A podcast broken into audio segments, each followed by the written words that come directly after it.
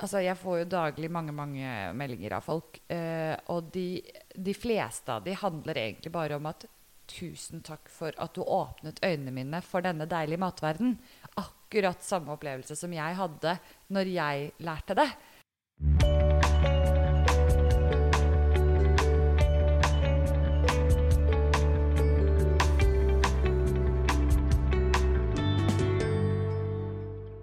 Hjertelig velkommen til ny episode i Leger om livet. Jeg heter Anette.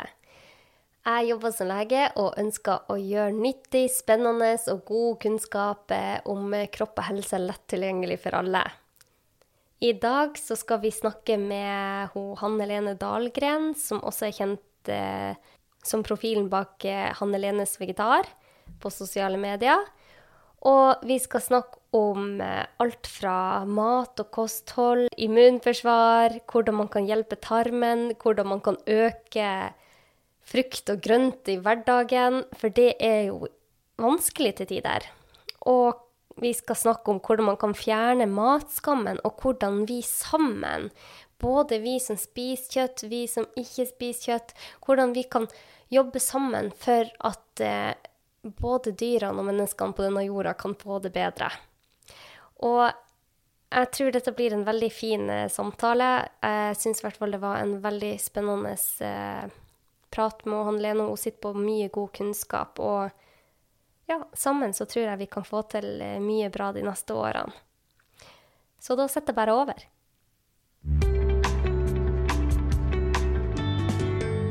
Ja, i dag er vi så heldige å ha hun Hanne Lene Dahlgren. Kanskje for noen mer kjent som vegetarentusiasten Hanne Lene, eller Hanne Lenes vegetar, som gjest. Og jeg satte meg litt inn i Hanne Lene sin reise før hun skulle komme som gjest til oss her i dag. Og jammen har hun eh, fått til mye på kort tid. Hun har eh, tidligere jobba som analytiker i Google Norge før hun starta opp for seg selv i 2019 for å bidra med å gjøre Norge mer kjøttfritt. Hun debuterte som forfatter av en skikkelig digg kokebok i mars 2019. Og den havna raskt på bestselgerlista og er nå Norges mest solgte vegetarbok. Hun har etter det starta et helt eget bokforlag, og har gitt ut bok nummer to, en skikkelig digg kokebok nummer to, som er Norges nest mest solgte vegetarbok, kun slått av sin forrige bok. Hun driver også podkast om klima og fremtidens matglede, og hun har hatt tre sesonger med matprogram på Matkanalen. Hun har blitt nominert til Årets unge leder i E24 i 2019, og vant Englemarksprisen i 2019. Og hun beskriver seg selv som et matvrak, og har satt seg ett mål å redusere kjøttforbruket i Norge med 30 innen 2025. Hjertelig velkommen til podkasten vår, Sanne Lene. Tusen takk. Eh, det er litt gøy å høre sånn merittlista eh, på sånn kort tid. Da føles det så veldig veldig sånn deilig imponerende sjøl. Fordi man kan jo ha litt sånn dager sånn som jeg hadde i går, hvor jeg var sånn føler meg som en sånn bitte liten mygg i verden som prøver å liksom bare snu hele jordas liksom krets eh, med vingene. Ja. Eh, så det er ikke hver dag man føler at man eh, får til alt det du sier, for å si det sånn. ja, men jeg, jeg, må si at jeg ble så imponert når jeg satte meg inn. Jeg hadde jo eh, hørt om det tidligere, men eh, jammen har du fått til mye. Takk. Hvordan er det Har du et ekstra batteri, eller hva, hva som har gjort at du har fått så mye energi? Eh, altså Mannen min sier det, at jeg har et ekstra batteri. Eh, men det vet ikke jeg. jeg har, er det bare sånn.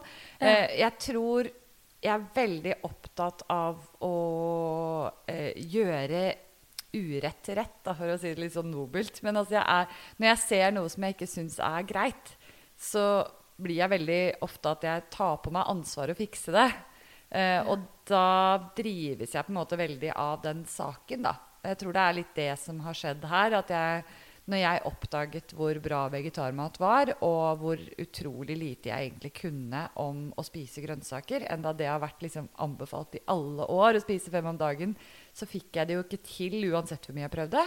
Eh, og når jeg skjønte liksom at å ja, men man kan bare gjøre sånn og sånn og sånn, så ble jeg veldig opptatt av at men herregud, dette må jo bare alle få høre om. Det er jo så lett, og du føler deg så bra, og det smaker så godt. Og da satt jeg meg liksom fore at her Jeg må bare klare å få ut denne informasjonen på en eller annen måte. Og det, det var jo når jeg jobbet i Google. Eh, Så jeg jobbet jo egentlig som analytiker, og jobbet da med å på en måte hjelpe store selskaper som alt fra SAS og Norwegian til eh, liksom Rema 1000 og Kiwi eh, til å tjene mer penger, egentlig. Ja. Eh, og ved hjelp av markedsføring. Og, og det føltes på en måte plutselig litt mindre viktig å gjøre det enn å få folk til å spise eh, mer grønt. Ja. Eh, så i min siste permisjon, da, som var da mm, eh, i 2018, så fant jeg ut at ok, hvis jeg noensinne skal gjøre noe med dette matgreiene, som egentlig bare var en hobby, så må jeg, må jeg gjøre det nå. Så da tok jeg kontakt med et forlag eh, og ville skrive verdens beste vegetarbok, som jeg sa med klump i halsen når jeg turte å si det høyt. Det er Og. Og så gjorde jeg det. Ja. Ja. Mm. Eh, så den, eh, bare for å fortelle den raskt, så gjorde jeg da eh, 50, jeg hadde 50 testfamilier som var helt vanlige folk, som spiste kjøtt og fisk og Toro-poser og dere vet alt det som vi vanlige spiser. Eh, og så sendte jeg de masse, masse, masse vegetarretter som de måtte teste. For å finne ut hva er på en måte folkets beste vegetarretter. Hva er det som funker hjemme hos helt vanlige folk? Hva er det som får barna dine eh, til å ha energi før fotballkampen? Eh, alle disse tingene. Eh, og så skulle den boken komme ut eh, noen måneder etterpå. Og da skulle jeg tilbake til jobb. Det var liksom målet. Ja. Og så kom jeg tilbake til jobb i januar 2019. Og jeg var litt sånn åh, gleder meg til å få kollegaer igjen. Ute av permisjon, som jeg også da hadde skrevet bok. ikke sant? Jeg var litt, sånn, jeg var litt ferdig med det. Ja. så kom jeg tilbake, og så tok det sånn fem minutter i den kontorstolen. Hvor jeg bare Jeg har ikke tid til å være her. Dette her går ikke. Jeg kan ikke Det føltes bare så meningsløst i forhold til å jobbe for denne saken. Så da snakket jeg med mannen min den kvelden. Vi tok en beslutning veldig raskt, og jeg sa opp dag tre. Oi. Ja, eh, rett og slett fordi boken jeg, ja, For de som ikke har skrevet bok før, så tenker man jo kanskje som jeg gjorde, da. At når du har skrevet boken og tatt bildene og sånn, og sendt den til trykk, så er jobben over. Men da starter jo egentlig mesteparten av jobben, for da skal den jo markedsføres. Da skal Ja. jo du passe på at folk får høre om denne boken. Og det var det jeg hadde innsett. da, At herregud, her sitter jeg. Jeg har ingen følgere på Instagram. Jeg hadde ikke noen sosial profil. Jeg hadde ikke gjort noe sånt. Jeg hadde bare skrevet en bok jeg syntes var dødsbra, som jeg hadde jobbet kjempemye med. Ja. Men ingen visste hvem jeg var. Og den skulle komme ut om halvannen måned, liksom. Og jeg bare OK, det, det jeg kan ikke være her. Så da sa jeg mannen min at vi tar ett år fri fra karriere. Jobber for på en måte det gode sak, for du tjener jo ikke penger på bøker i Norge. Eh, og eh, så gjorde jeg rett og slett eh, det. Eh, ja. Tok dere begge fri? Nei, bare jeg, altså. Okay, ja, men, vi, men da liksom, vi avlyste sommerferien. Vi eh, satte eh, liksom mat, mer matbudsjett. Vi kjøpte ikke noen nye ting, for da hadde vi jo plutselig bare én lønn. Ja, ja. Eh, så vi dro ordentlig ned på forbruket. Eh, og så jobbet jeg kun for det i ett år. Men eh, så gikk det jo så bra eh, at eh, nå er jeg på ja, hva er det, to og et halvt år senere. Nå har jeg første ansatte på plass. Etter, ja, hun har vært der i fire måneder nå, så hun er fulltidsansatt. Så ja, jeg startet forlag etter det og sånn. Ja, det er lang historie, altså. Mm. Kjempebra! Jeg får lyst til å klappe. For det tar jo litt mot å si opp jobben og gjøre noe helt annet. Ja, og spesielt en jobb som jeg var veldig glad i. Eh, og eh, eh, kåret til et av verdens beste steder å jobbe, og veldig rause ordninger på alt mulig, og det var veldig, veldig fint.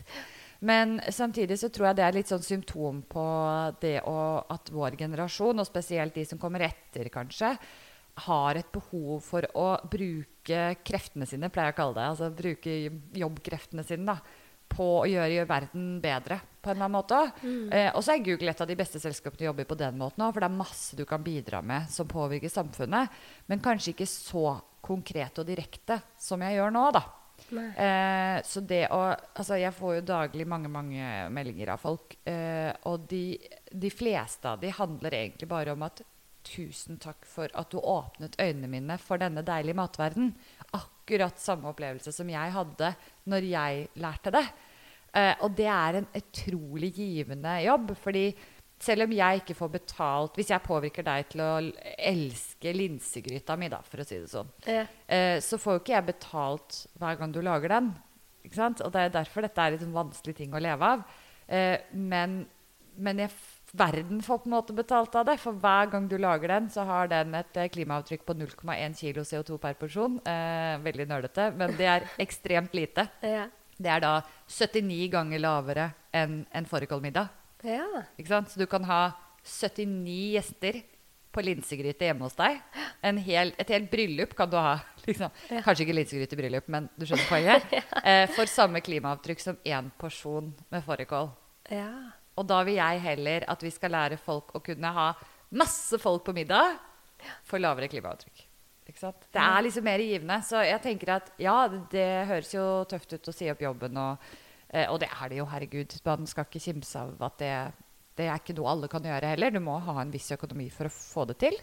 Eh, I hvert fall med to små barn. Eh, men eh, det er jo det beste jeg har gjort. Det er jo det. ja. Ja. Jeg kjenner at jeg får litt sånn sug i magen når du snakker om dette, Hanne Lene. Fordi at eh, i fjor så skulle jeg begynne på Rikshospitalet på hudavdelinga, for jeg brenner skikkelig for eh, hudsykdommer. Det, jeg elsker å jobbe med hudpasienter, og eh, mitt mål er jo å bli hudlege etter hvert jeg er halvveis eh, spesialisert. Men i fjor så var jeg akkurat ferdig med permisjon, og så tenkte jeg jeg er nødt til å lage en podkast der jeg kan hjelpe folk å få det bedre. Fordi at jeg ser at det er så mange som sliter. Det er dessverre altfor mange. Og det er jo komplekst. Det er jo ikke sånn at hvis du sliter med magen, så er det bare én medisin som hjelper for det. Eller hvis du sliter med depresjon, så er det én medisin for det. Alt henger sammen her. Og det har jeg vært veldig opptatt av å snakke om i eh, denne podkasten. Og vi har bodd i dette huset i et år nå. Og levd på mye lavere lønn enn uh, tidligere. Men det gjør det så verdt det. Jeg har ikke kjøpt ett nytt møbel siden vi flytta inn, for at uh, vi er på sparemodus. Men det er så givende for meg å kunne hjelpe andre med å få det bedre. Og jeg får jo Nå i det siste så har jeg fått så masse mailer at jeg får nesten ikke tid til å svare. For at jeg ser at dette er noe som, som trengs. Og det jeg syns med din historie, den er veldig inspirerende for meg. Fordi at du gjør dette for du ønsker å gjøre det litt bedre her i verden. Og det er, det, det er veldig givende. Jeg tenker jo at hvis vi hadde vært eh, flere som, som turte, og vi er jo begynt å bli mange nå, som jobber for gode saker uten at det er de største lønningene bak, eh, så vil jo Altså, verden ville ha blitt så mye bedre, da. Hvis, eh, hvis folk kunne bare tenke at Vet du hva, jeg trenger faktisk ikke en veldig dyr sommerhytte. Ikke sant? Jeg kan faktisk leve på litt lavere lønn og heller jobbe med noe som gir meg noe. Og jeg tenker jo at det eh, jeg kunne, kunne, jeg kunne byttet denne jobben og skulle jeg tjent to millioner et eller annet sted. Men hva hadde det gjort med livet mitt? Mm. Det hadde ikke gjort noen ting. Eh, fordi hadde ikke, jeg hadde ikke fått det noe bedre. Jeg hadde fått flere dyre ting. Eh, jeg hadde hatt eh, liksom et mer overflod. Og det, det er jo ikke det samfunnet vi trenger. Så jeg tenker jo, jeg tar liksom ut en ganske lav lønn fra selskapet, selv om det går veldig bra nå. Ja. Eh, men det er fordi at jeg ønsker å bruke de pengene på å bygge vegetarentusiasme. Ja. Eh, og da trenger jeg penger til å utvikle ting, oppskrifter, og ha ansatte som hjelper meg med å få ut mer vegetarentusiasme oftere. Og også muligheten til å gjøre sånn som du sier, da, sitte og svare på mailer, eh, DM-er, da, som jeg får veldig mye av på Instagram. Eh, og faktisk Du tar jo ikke betalt for det. Liksom. Eh, og da må jeg måte bare bruke de, de midlene jeg har tjent, på å kunne gjøre alt det som man ikke tjener penger på. Som å dele en gratis oppskrift, liksom. Det tar jo en dag for oss å utvikle. Både eh, kjøpe inn, planlegge, lage oppskriften, ta bilder, lage en reel. Hvis vi skal gjøre det, så tar det enda lengre tid. Eh, det skal ut på nettsiden, det skal skrives, det skal eh, markedsføres. ikke sant? Og folk tenker at ja, ja, men herregud, det er bare en oppskrift. Fordi man er så vant til at det er Ja. gratis overalt. Men det ligger så mye arbeid bak hver eneste en.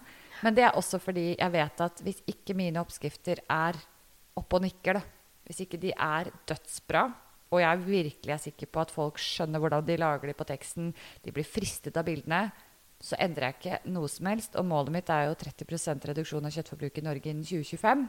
Og alt jeg gjør, måles opp mot det. Så hvis ikke jeg leverer bra nok, så når jeg jo ikke det målet. Og det er det som hele tiden ja, gjør at man må jobbe hardt. Da. Men hvorfor er det ja, Bare for å svare deg på det, så har jo jeg virkelig skjønt hvor lang tid det, sånn der ting tar. Jeg hadde jo ikke Instagram før i fjor. Jeg har jo vært veldig lite på sosiale medier. Men jeg har skjønt hvor lang tid sånn der ting tar. Og ja, det, det forstår jeg kan ta en dag. Men eh, du sa at du ønska å få ned eh, kjøttforbruket med 30% Hvorfor er det så viktig?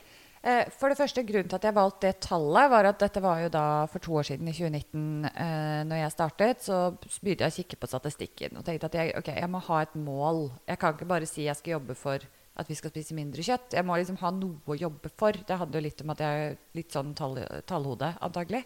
Ja.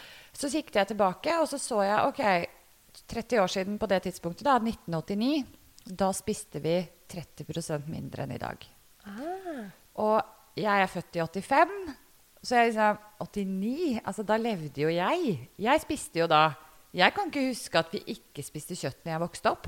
Ikke sant? Nei. Jeg husker faktisk veldig mye kjøtt, for jeg husker mye sånne kyllingvinger. og Det var jo før kyllingfileten gjorde sitt inntog. Ja. Da spiste vi mye kyllingvinger og sånn kyllinglår og mye sånne ting. Eh, og, og, da kjente jeg OK, vi bør klare oss, komme oss tilbake dit i hvert fall. Og tilfeldigvis så samsvarer også det da med Helsedirektoratets kostråd. Så derfor så satte jeg det målet. Og så tenkte jeg OK, hvor lang tid trenger vi på det? Nei, men altså Mye er vel gjort på fem år, tenkte jeg. uh, så vi får se. Altså, det går jo nedover nå. Eh. Og jeg tror jo at uh, vi kommer til å få en enda større nedgang i år enn i fjor.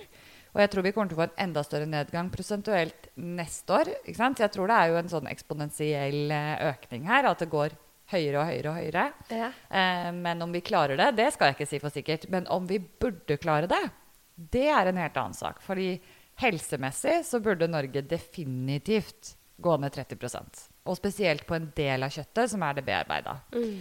Eh, klimamessig er det jo ingen tvil om at vi burde spise mye mindre kjøtt. Dyrevelferdsmessig trenger vi ikke å snakke, snakke om engang, eh, spesielt etter nå dine siste avsløringene fra svineindustrien. Eh, og da er det jo det derre hvilket kjøtt er det du kan kutte? Og det bearbeida eh, spesielt mye svin som vi spiser, det er jo noe av det som har hatt det verst. Mm. Eh, kylling også, for så vidt. Um, så, så, jeg syns liksom det er ingen argumenter annet enn arbeidsplasser for bønder som egentlig uh, trekker i andre retningen. Mm. Men siden vi vet at vi spiser 30% mer kjøtt i dag enn vi gjorde i 1989, og så har vi mye færre Jeg husker ikke hvor mange tusen gårdsbruk som er lagt ned, men jeg, jeg, jeg, tror, det er, altså jeg tror, det er, 2000 eller noe sånt som er lagt ned siden 1989. Ja. Det, er det er mange tusen, da. Eh, da sier jo det seg selv at det handler om politikk. Det handler ikke om antall årsverk. Ja, eh, det handler om at gårdene blir større og større. Mer og mer produksjonskrav. Eh, så det er dårligere og dårligere dyrevelferd, vil jeg påstå. fordi mm. jo flere dyr på eh, færre kvadratmeter, ikke sant? det er ikke bra. Så egentlig syns jeg ikke det finnes noen argumenter for å ikke nå det målet. Mm.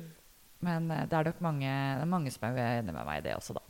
Men trenger det å gå så eh, hardt utover bøndene, egentlig? Jeg mener jo at det ikke bør det. Jeg mener at eh, Hvis vi skal faktisk få en endring her, så bør vi for det første så bør alle husdyrbønder i Norge bør få en mye høyere lønn. De lever på en veldig lav lønn i forhold til resten av Norge, eh, og de jobber mye. Ja, det gjør det. Eh, så, så det, det, er absolutt 100 sikkert. Eh, og hvis vi skal klare det, så må vi én ha mye høyere kjøttpriser. Men vi må huske at av kjøttprisene er det ikke veldig mye som går til bonden uansett. Så vi hadde ikke trengt å egentlig øke kjøttprisene mye for at bøndene skulle få mer. For la oss si, nå tar jeg bare et eksempel. La oss si at uh, kyllingen du kjøpte, kostet uh, 20 kroner da, for en kyllingfilet. Så er det ikke mer enn en krone eller noe sånt som er igjen av det som går til bondens lønn. Tenk det. Ikke sant? Så i utgangspunktet hadde det vært veldig lett å gi bøndene ganske mye mer betalt. For hadde du økt med to kroner, da, så kunne det gått rett til bonden hvis det politisk var vilje til å gjøre det. Ja. Så jeg mener jo at det er veldig viktig. Eh, og så mener jeg at det er veldig viktig at vi har et maks antall dyr som er mye, mye lavere enn det er i dag. At man ikke kan ha så mange dyr eh, samlet på ett sted. Eh, og så mener jeg 100% at alle dyr har rett på frisk luft og rett på frie areal, arealer. Eh, og spesielt grisene som står inne 90, altså 99% av alle griser lever hele livet inne. Blir veldig depressivt. jeg vet det. Håper ingen nå liksom er deprimerte.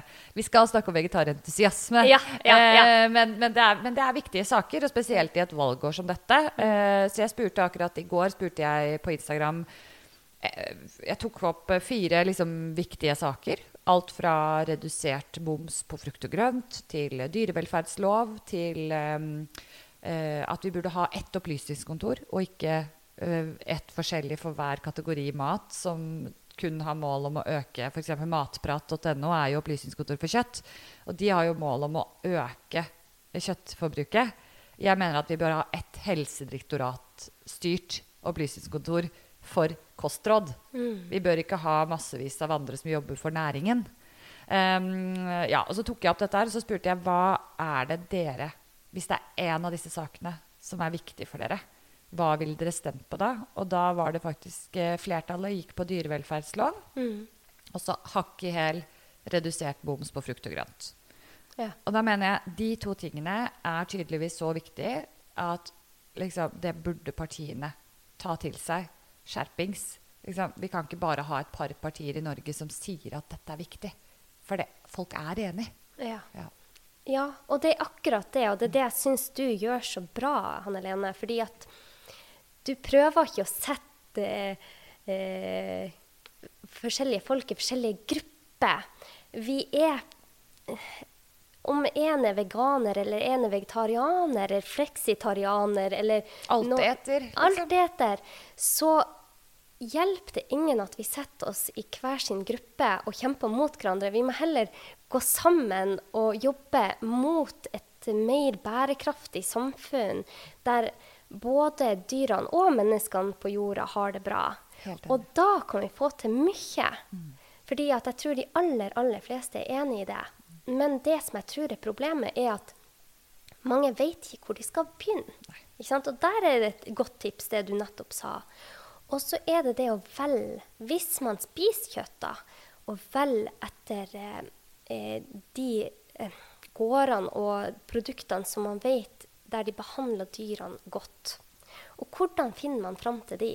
Eh, det er jo det er veldig vanskelig. Eh, men heldigvis så er det jo noen dyrevernsorganisasjoner som har gjort den jobben lettere for oss. Så hvis man går inn på det er noe som heter dyrevern.no, de har også en app som jeg mener heter dyrevernsappen, men bare søk. Um, hvor du kan faktisk se alle produsentene. La oss si du ser på egg, da. Eh, så kan du se hvilke av eggprodusentene har fått høyest rating i forhold til dyrevelferd. Ja. Da har de gått inn og sett på hvordan produseres det, hva slags fôr får de, hvor mye plass har de, hvor mye sykdom osv. osv. Og så kan du velge å støtte de produsentene som gjør det best. Og hvis nok mennesker gjør det, så vil jo alle legge om sine driftsmåter til det. Så det er en veldig fin sånn hverdagsaktivisme. Eh, og, men da må du kanskje være villig til å legge fem kroner mer da, i eh, den kartongen med egg. Eller hva det nå er for noe. Men det, der kan du se på kjøtt, du kan se på sminke, du kan se på eh, Til og med vegetarmat har de jo satt opp. Nå er jo alt det fått grønt lys, da. Men, eh, men uansett, det det, du kan jo få rødt lys på, på ting som eh, at noe er produsert et, med dårlige menneskerettigheter, f.eks. Det er mange måter å, å se på det på. Men det er i hvert fall et godt tips. Og så handler det jo om alle er enig i at fem om dagen er lurt. Jeg har enda ikke møtt et menneske som sier at nei, det der tror jeg ikke noe på. Eh, men det er bare 15% av eh, oss voksne som klarer å spise fem om dagen. Mm. Og da er det sånn Du trenger ikke å bli noen ting. Du trenger ikke å bli verken fleksi, veksi, noe som helst. Eh, du kan rett og slett bare øke antall grønnsaker på tallerken. Fordi at ved at du gjør det, så vil du automatisk spise mindre av det andre. Det er så enkelt, fordi du klarer ikke bare øke og øke og øke. Eh, så få inn mer frukt, belgvekster, få inn nøtter, få inn frø, få inn fullkorn. Så mye du kan, og ikke tenk på hva du skal liksom ta vekk. Fordi at så lenge du spiser en god, stor porsjon med masse frukt og grønt, så blir det automatisk mindre av det andre. Og det er jo bra både for jorda og helsa og dyrene og alt. Det er bra for alle. Ja, det er så enkelt. Så det er jo så enkelt, men så vanskelig ser det jo ut til. Men, hvis, eh, men siden du sier at eh, kjøttforbruket allerede har begynt å gå ned, så er jo det en kjempe Da har vi jo snudd eh, den skuta litt, kanskje. Ja, men samtidig så er det Altså, vi har vært på all time high, da. Ja. Ikke sant? Så det at vi har gått bitte litt tilbake, ikke sant? 1 nedgang eller noe sånt, 1,3 ikke sant? ja. Det er jo fremdeles, Vi er fremdeles på toppnivå, da. Det er litt som at man har spist godteri hver eneste dag, og så har vi slutta å spise godteri nå før frokost på søndag. Sant? Vi, er ikke, vi er ikke i nærheten av der vi burde være. Og, og spørsmålet er om 30% holder. Antakeligvis, og ifølge FN, så er det jo 50% ned innen 2030. Så det er bare et delmål på veien. Men da har du bare 5% mer etter 2025, da. Ja, ja, ja. Det er jo 5 prosentpoenget i nei, Så det der skal gå bra. Ja da. Ja, eh, nei, det her blir spennende, og har veldig trua på det. Fordi at hvis vi alle gjør litt og sprer kunnskap For det er det jeg tror, at så lenge man får den kunnskapen, så blir det mye enklere å ta de valgene. Og det er det som eh, både jeg og du gjør gjennom forskjellige medier. Og da blir det mye enklere. Men det er kjempevanskelig når man står her alene og ikke vet hvor man skal begynne. Ja, og så er Et lite poeng som er viktig å tenke på, spesielt hvis man sitter i en situasjon eh, som lege og har en pasient, da, som kanskje en del av de som lytter på, har. Ja. Um, vi må anerkjenne at mat er kultur. Det er veldig veldig vanskelig å forandre på det du anser som god mat, og det å gjøre de endringene. Så det å si til en pasient at men du må spise mer grønt, det er verken motiverende eller lett, rett og slett. Em, og det som, uh, det som ofte er, er at vi nordmenn vi tenker ikke på at vi har en matkultur. Vi tenker at uh, vi er bare Altså, Italia har matkultur. Liksom, Frankrike de har matkultur. Men vi har det, vi også. Og hvis vi ser for oss da at du går bort til en, eh, en kjøttelsker, for å si det sånn, og så sier du du må spise fem om dagen. Du må spise mer eh, kikerter. Så blir det litt som å si til en italiener da, at ja, du kjære Italia, jeg vet at du er glad i pasta og pizza og sånn, men du, nå har vi funnet ut at det er ikke bærekraftig. Så det er fint om du bare begynner å spise kinesisk mat. For det er nemlig veldig, veldig bra. Så bare gjør det, du. Ja. Alle skjønner at nei, det, det, det går jo ikke. Vi kan jo ikke ta fra Italia pasta og pizza. Men man kan jo ikke gjøre det samme med nordmenn heller. Vi kan ikke bare si at nå blir det ikke mer kjøttkaker. Eh, og det er jo det å anerkjenne hvor hardt det sitter i oss, da. Og hvor liksom eh, Hvor mye kultur har å si for hvordan vi lever, og hvor mye maten har å si, det, det tror jeg er viktig når man er i samtale om det å endre. Så det å øke, si at hva er det du spiser vanligvis? Jo, jeg spiser det og det og det. Ok, Hvilke av de delene kan vi øke med grønnsaker? Kan du, la oss si at eh, folk spiser mye kjøttdeig. Det gjør vi i Norge. Eh, hvordan kan vi få inn noe mer der? Jo, vet du hva? Hva med at du rasper i en gulrot? Og at du tar en halv boks med linser i i tacokjøttdeigen. Samme krydder. Alt er helt likt. Men da har du plutselig kanskje 30% mer grønnsaker i den retten. Sånne tips er det vi trenger for å få med oss folk. Og Det er derfor jeg snakker om vegetarentusiasme, og ikke at folk skal i disse båsene. Fordi at alle kan være en vegetarentusiast. For alle kan digge vegetarmat om du ikke gjør det fulltid. Om du ikke, det er bare det du spiser, liksom. Så, så det, er det, det er det jeg syns er så viktig. da. Det syns jeg var kjempegode poeng. Og jeg får jo masse spørsmål hele tida. Eh, både fra veganere, vegetarianere og de som spiser kjøtt. Og ja, alle typer eh, Alle folk som spiser forskjellige typer kosthold. Men det de spør meg, er hva er den, det beste kostholdet? Hva er det som gjør at jeg kommer til å leve langt og eh, godt? Og jeg syns det er veldig vanskelig å svare på dette. Fordi at eh, hvis man ser på forskninga, så er det litt eh, motstridende eh, studier. Og det er en del uenigheter her. Hvis du spør de 20 fremste på kosthold i verden om hva som er de topp 100 beste matvarene som de faktisk har gjort, så er de bare enige om 50% av de. Men det de er enige om, er grønt, frukt, nøtter, belgfrukt som linse og bønner. Det er de stort sett helt unisont enig i. Så det å få bare mer av det vil være kjempebra for oss. Og jeg liker veldig godt å se til eh, vi har om det før i podcasten, men å se til de fem blå sonene i verden, hvor de lever lengst, men også har best helse langt ut i alderdommen. De har veldig lite kreft, demens, autoimmune sykdommer. Og hvis man ser på deres kosthold, så er det ganske fascinerende, for de har ganske likt kosthold, selv om de spiser forskjellige matprodukter. Så ser man at eh, de spiser veldig mye frukt og grønt, og nøtter og belgfrukt. Og så spiser de jo kjøtt. Eller noen av disse stedene er de faktisk vegetarianere. Men de fleste spiser kjøtt. Men de spiser det mye mindre enn det vi gjør. De og så er det ikke prosessert. Og så er det ikke prosessert. Nei. Så en sånn enkel ting som vi har gjort i min familie, jeg liker å komme med sånne enkle tips, er å bare istedenfor å Før så hadde vi skinke til lunsj, liksom, med alltid skinke på brødskiven og sånn. Bare kutte den skinka. Ta heller eh, eh, smør på eh, hjemmelaga jordbærsyltetøy, som er kjempeenkelt å lage. Du koker opp jordbær, tar i noen skiafrø og litt eh, sukker. Finito. Det er så enkelt. Og smør det på matpakken til barna, for da får de i seg god næring. For det som dessverre ser ut til å ikke være bra for oss, er denne bearbeida kjøttet. Så får vi ut det. Men da kan du spise den fårikålen, og spis det som gir deg mye matglede.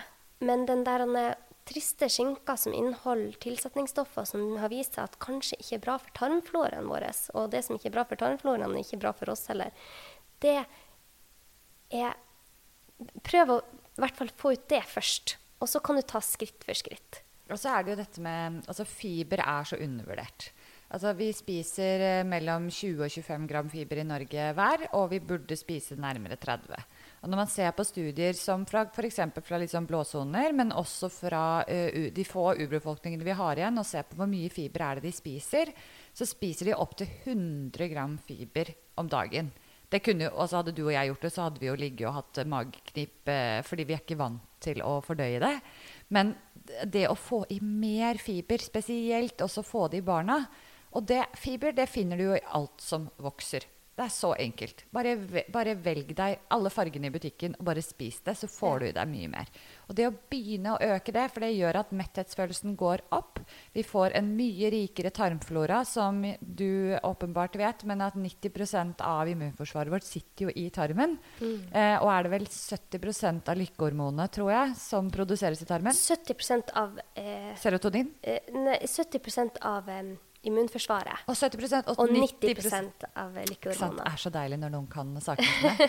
eh, Men det er ganske ja, vanvittig. Det er helt insane. Så altså, sånn basic Du slipper å få vondt i magen, og du blir glad. Ja. Av å spise mer fiber. Ja. Eh, eller ah, du, det er jo mange andre ting du må gjøre også, selvfølgelig, for å spise, men det er viktig med fiber. For det mm. er det som mater bakteriene våre. Mm. Og hvis du tenker at bakteriene skal hjelpe deg å ha det bra, så må du gi dem mat, da. Og så må du ikke gi de dårlige bakteriene for mye mat. For alle vet jo det at hvis de har vært på en skikkelig fest, og du har kanskje kost deg med både ene og det andre, både godteriskåler og fet mat og nattmat, og dagen etter har du lyst på Jeg får alltid lyst på sjokomelk. liksom, når du bare gir etter og bare Alt er bare det der kosen, så er i hvert fall ikke magen min sånn drithappy med meg, Nei. for å si det sånn. Eh, og det er jo fordi da har jeg gitt de dårlige bakteriene veldig veldig mye å kose seg på. Og det å tenke da at ok, det er greit innimellom, men stort sett så skal jeg passe på at de får rett mat, og da er det jo mer fiber, jo bedre. Helt enig. Det der syns jeg var kjempegodt sagt. Og det, det er det ser jeg òg Jeg nevner jo pasientene mine ofte, men jeg ser òg det hos pasientene mine som har slitt med det ene og det andre. Få inn litt mer fiber, og de får det mye bedre generelt. Mm. Så det er et kjempegodt tips. Men nå snakker vi oss eh, langt forbi eh, Nei, nå snakker vi oss eh, litt bort her.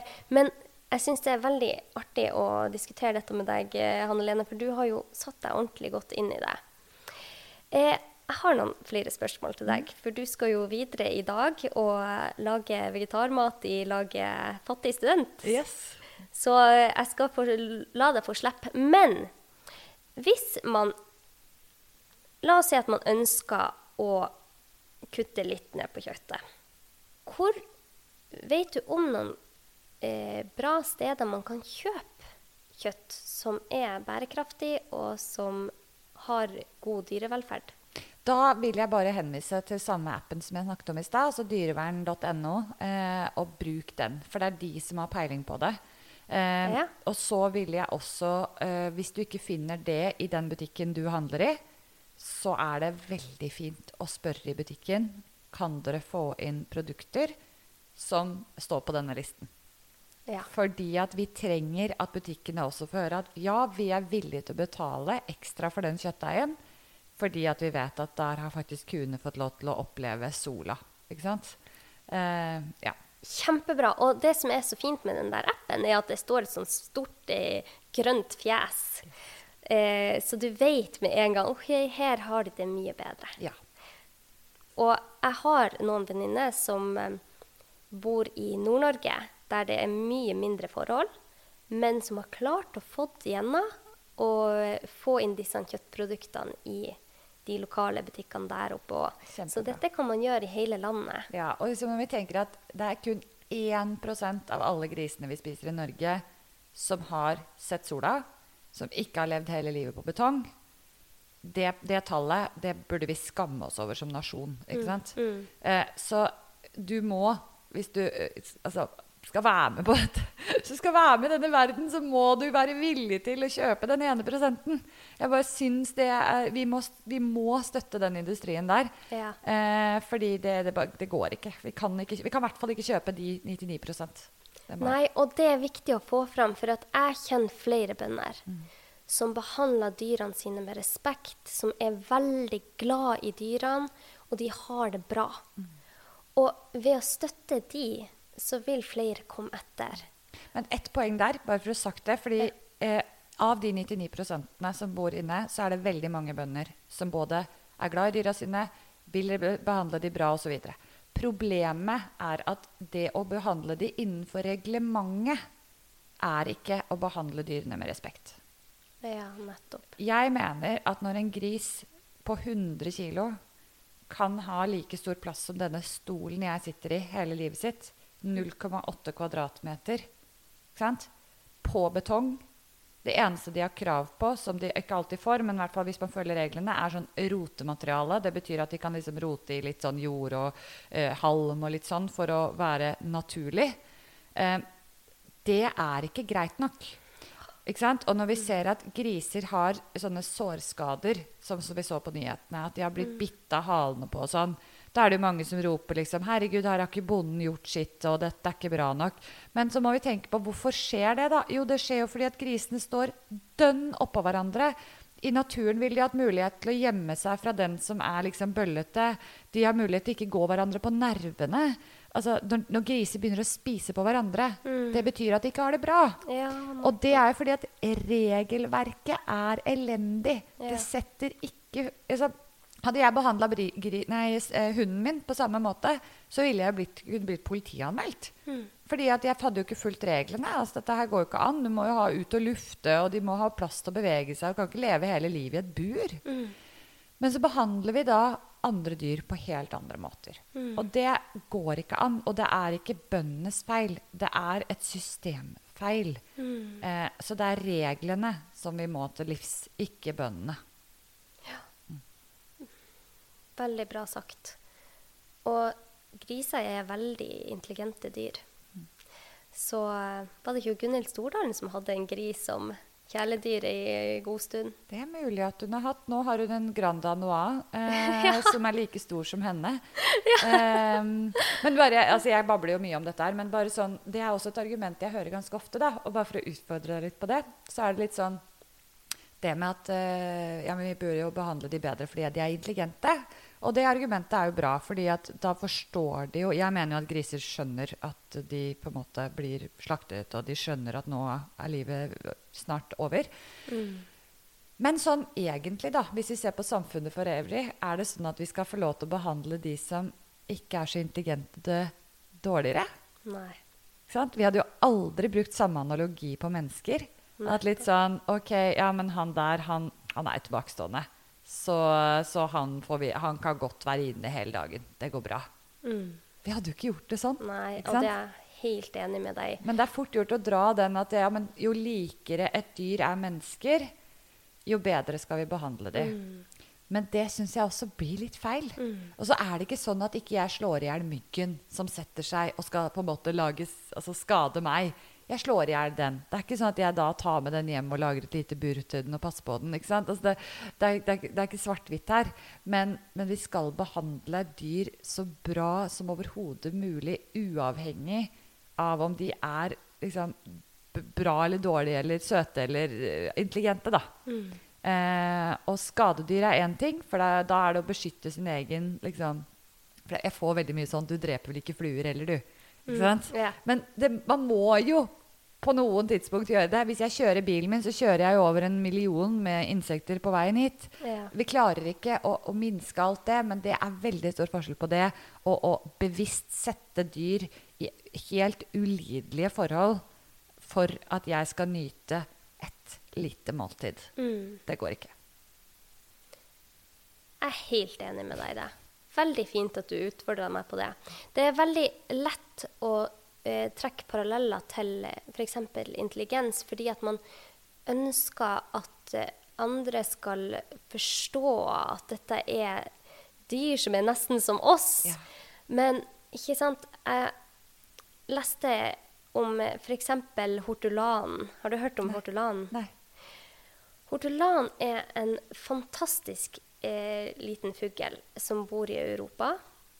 Og som siden, siden romertida har blitt jakta på i det fri. Så tar de disse fuglene, setter de i eh, hvert sitt lite bur som er helt lystett, i noen uker. Det eneste de får lov til å gjøre, er å spise. Og de spiser veldig når de er i sånne forhold. For de får det beste de vet, som er hirsefrø. Og de legger vanvittig mye på seg i løpet av eh, bare noen få uker. Så drukner man denne fuglen i en sånn druevin, ja, en type alkoholholdig drikke. Og så eh, skal man spise den da med en duk over seg og tallerken. Så man skal skjule sin skam da for Gud, for hvordan man har i, gjort dette. Ja. Det, det er en forferdelig historie. Men det er heldigvis blitt forbudt nå. For vi skjønner jo at det er jo helt forferdelig å gjøre. Men man kan kanskje trekke noen paralleller til hvordan vi gjør ting i dag. Og den duken de før brukte over hodet, kanskje det er bare noen skylapper som vi setter på oss. Og jeg skal ikke si at jeg er verdens beste til det. Det, det skjer at jeg spiser pølse. Eh, og jeg prøver stadig vekk å bli bedre. Men jeg hadde ikke blitt bedre hvis jeg ble gjort klar over forholdene. For da hadde jeg ikke noe grunn til å endre meg. Og det er det jeg syns er så bra. Og det er derfor jeg ønsker at du skulle være med i podkasten. For jeg syns du gjør det på sånn utrolig fint vis. For du setter ikke folk opp mot hverandre. Vi kan gjøre dette i lag. Tusen takk. Ja, nei, det er så viktig. Og vi, vi kan ikke leve med en sånn at Jo, jo, men herregud, sånn har jeg alltid gjort det. Altså, det er aldri et argument for hvordan man skal gjøre det i morgen. Ikke sant? Og da må vi tørre å bli utfordra. Og så må vi også skjønne at det er vanskelig å endre verden uten å leve i den. For hvis man ikke skal gjøre noe galt, hvis man skal leve perfekt i forhold til klima, aldri kjøpe seg eh, et nytt plagg, aldri støtte griseindustrien Altså alle disse tingene, eh, så må man nesten liksom melde seg ut av samfunnet. For man kan ikke være med, man kan ikke gjøre, ikke sant? Og det er ikke sånn vi kommer oss fremover. Så vi må anerkjenne at ja, du kommer, selv om du vet at det ikke er det beste, du kommer til å spise en pølse.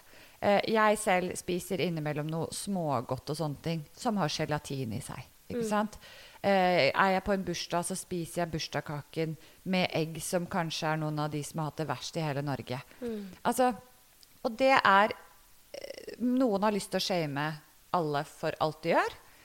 Men jeg har valgt at det, det, vi får oss ikke fremover. Eh, det er så viktig at vi heller snakker om hvor vi vil, hva vi kan gjøre, i stedet for å sitte og peke på alt du burde ha gjort. Det er så viktig, akkurat det. Vi må eh, jobbe sammen her. Rett og slett. Men hvis man har lyst til å bli en vegetarentusiast, hvor ville du ha starta da? Da tenker jeg som så. For det første, eh, kjenner du noen som er eh, glad i å lage grønnsaksbasert mat, eh, som du har lyst til å lære litt av? Be deg selv på middag. Si sånn Hei, du, jeg vet at dere pleier jo Jeg så at dere lagde sånn vegetarlasagne en dag, eller hva det nå var for noe. Altså, Jeg har så lyst til å bli bedre på det. Kunne jeg vært så freidig og spurt om jeg kunne komme på middag? Jeg tar med en flaske vin, f.eks. eh, hvis du har lyst til å begynne å lage selv, så er det gå på Instagram. Se på min profil, se på vegetarbloggen, Veganmisjonen, Green Bonanza, eh, Emilie Nutrition. Se på alle disse store profilene som har så mange oppskrifter liggende ute. Se hvilke som på en måte appellerer mest til deg, for det er jo forskjell på smaken. Det er derfor vi har forskjellige ting på en meny på restaurant. ikke sant? Ja, ja. Jeg har kjempegode retter til de som er glad i min type mat. Ja. Så enkelt er det. Jeg blir ikke fornærma hvis noen ikke liker maten min. Finn Men de- den er veldig god, da. ja, jeg syns jo det, selvfølgelig. Eh, og det er ganske mange mennesker som har testa. Men eh, finn ut liksom hva, hvem er det som har din stil, da. Og deretter så bestemmer du deg for et eller annet. Jeg tror det er veldig lurt å ha f.eks. hver torsdag skal jeg lage en ny vegetarrett, eksempel. Fordi at da utfordrer du deg selv til å lage noe nytt, men det blir ikke så ofte at det blir sånn Nå skal jeg bare lage veggis i en måned, det blir mye, ikke sant? Det er så lett at man bare Nei, jeg droppa det greiene der. Fordi du klarer ikke å gjennomføre.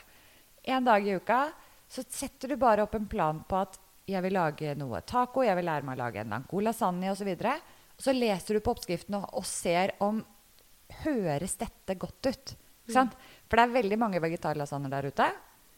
Veldig mange er ikke gode. Ja. Men det gjelder vanlige lasagner òg. Det, det er ikke bra nok. Se hva andre folk har sagt. Be folk om råd. Og så lager du det som du finner som ser aller, aller best ut. Går ikke det, så går du videre til neste. Og så når du har endelig funnet, da har du, da har du lasagnen din. Trenger ikke mer enn én lasagne. Ikke sant? Så går du videre. Taco. Ok, dette er det jeg elsker i tacoen. Jeg har lyst til å ha inn mer grønnsaker. Vil du da ha kjøttdeigbasert, eller vil du ha altså da vegetardeigbasert? da? Eller vil du lage en annen type taco? Kanskje du vil prøve min blomkåltaco, som overrasker alle, inkludert meg første gang jeg fikk smake den selv. Som har masse krydder og bl.a. kokosstrø på seg. Den, men den er så god at den er en av de mest eh, brukte oppskriftene hver fredag på annelene.no. Ja, den, jeg tror den er på plass, ja, altså første eller andreplass hver fredag. Um, eller så kanskje du vil, liker du kanskje søtpotet, så kanskje du kan ta søtpotet i biter, og så kan du strø over f.eks. sånn crispy taco. Sånn, det heter sånn crispy chicken-blanding. Det er på en måte et slags sånn pankostrø-aktig. Du får kjøpt det i alle butikker. Det står crispy chicken, men det er jo ikke kylling i det. Det er bare laget til å passe til kylling.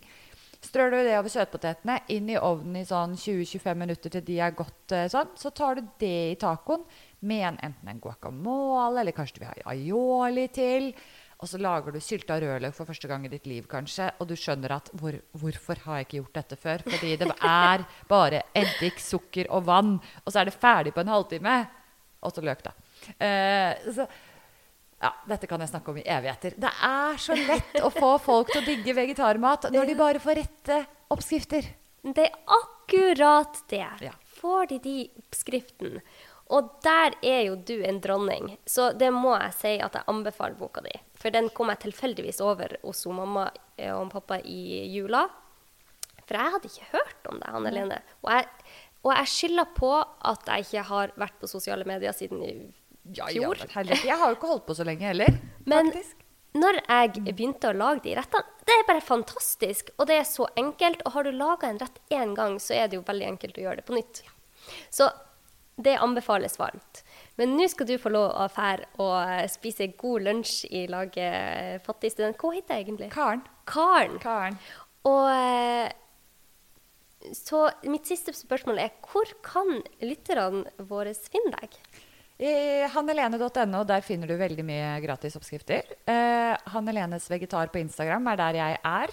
Eh, og så har jeg en gruppe som heter Vegetarentusiaster på Facebook, eh, som har eh, snart 9000 medlemmer. Den er for alle. Den er bare av meg, på en måte. Eh, og der handler det om Den heter Vegetarentusiaster tips og triks for nybegynnere. Så der kan du spørre f.eks. hvis du har lyst til å lære deg en lasagneoppskrift. da. Hei, jeg trenger å lage verdens beste vegetarlasagne.